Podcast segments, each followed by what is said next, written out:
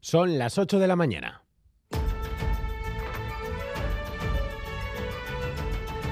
Crónica de Euskadi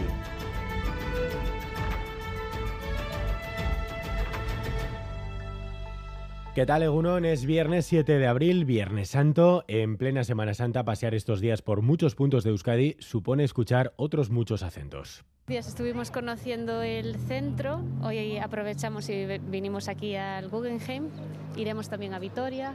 Eso mañana. mañana, vamos a Vitoria, hoy por la tarde no sé qué vamos a hacer, la verdad. Aún no, lo hemos pensado. No lo tenemos muy claro. Quedar hoy en Bilbao, pero después a, a San Sebastián y después a Bordeaux. Y... Gracias. Beautiful, amazing, brilliant, better than England. I go to San Sebastián to Pincho Tour. yes. A la aposta le acompaña además el buen tiempo que está acercando a turistas de última hora. Enseguida vamos con el pronóstico de Euskalmet y la situación del tráfico hoy ya muchísimo más tranquila que ayer.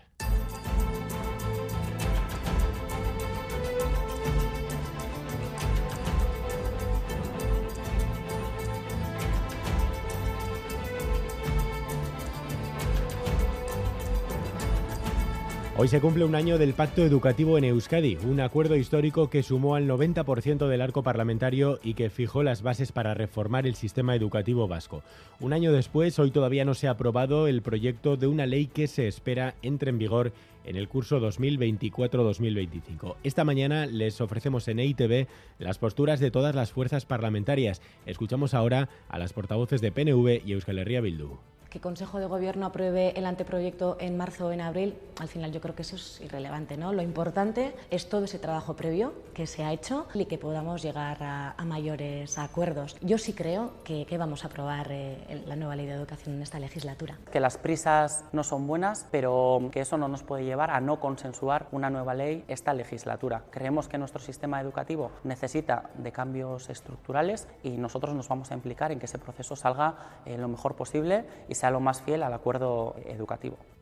A las ocho y media vamos a entrevistar en directo al portavoz del Carrequín Podemos Izquierda Unida, Íñigo Martínez, con quien hablaremos también de Sumar. Eh, Martínez estuvo el domingo en Madrid arropando a Yolanda Díaz en la presentación de su candidatura. De momento Podemos sigue fuera. Ayer en Boulevard, en Radio Euskadi, la portavoz de H. Bildu, Mercha Izpurua, pedía a Yolanda Díaz y a Ione Belarra que se entiendan. Están condenadas a entenderse, decía o habrá un cataclismo en la izquierda. Enseguida le escuchamos, también enseguida nos vamos a adelantar a la Alder Dieguna del domingo, a la Berrieguna del domingo y miraremos a Iparralde y a Francia tras la nueva jornada de movilizaciones que ha vuelto a dejar incidentes en París con al menos 20 detenidos y a esta hora parece que hay algunas movilizaciones en Muguerre. Enseguida vamos a estar también allí en directo y miraremos a China donde Macron y la presidenta de la Comisión Europea, Ursula von der Leyen, han pedido a Xi Jinping que interceda con Rusia para poner fin a la guerra en Ucrania. Antes la información deportiva en titulares, Diego Arambalza, Egunon. Egunon, hoy se disputa la quinta etapa de la Itzulia, 166 kilómetros con principio y final en Amorebieta, recorrido que incluye la ascensión de cuatro puertos, Muniqueta, Nachitua, Berralinaga de tercera y Paresi de segunda. Jonas Vingegaard, que volvió a ganar ayer en Santurci, es líder con una renta de 12 segundos con respecto a Mikel Landa.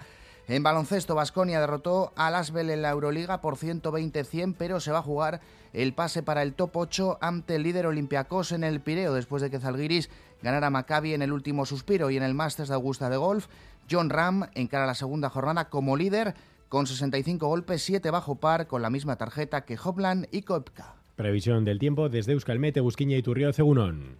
Egunon, hoy empezamos el día con ambiente frío, todavía está helando en puntos de Álava y Navarra pero hoy volveremos a tener una jornada soleada. Podemos ver algunas nubes altas, pero nubes sin importancia. El viento por la mañana será flojo y variable y en las centrales predominará el nordeste.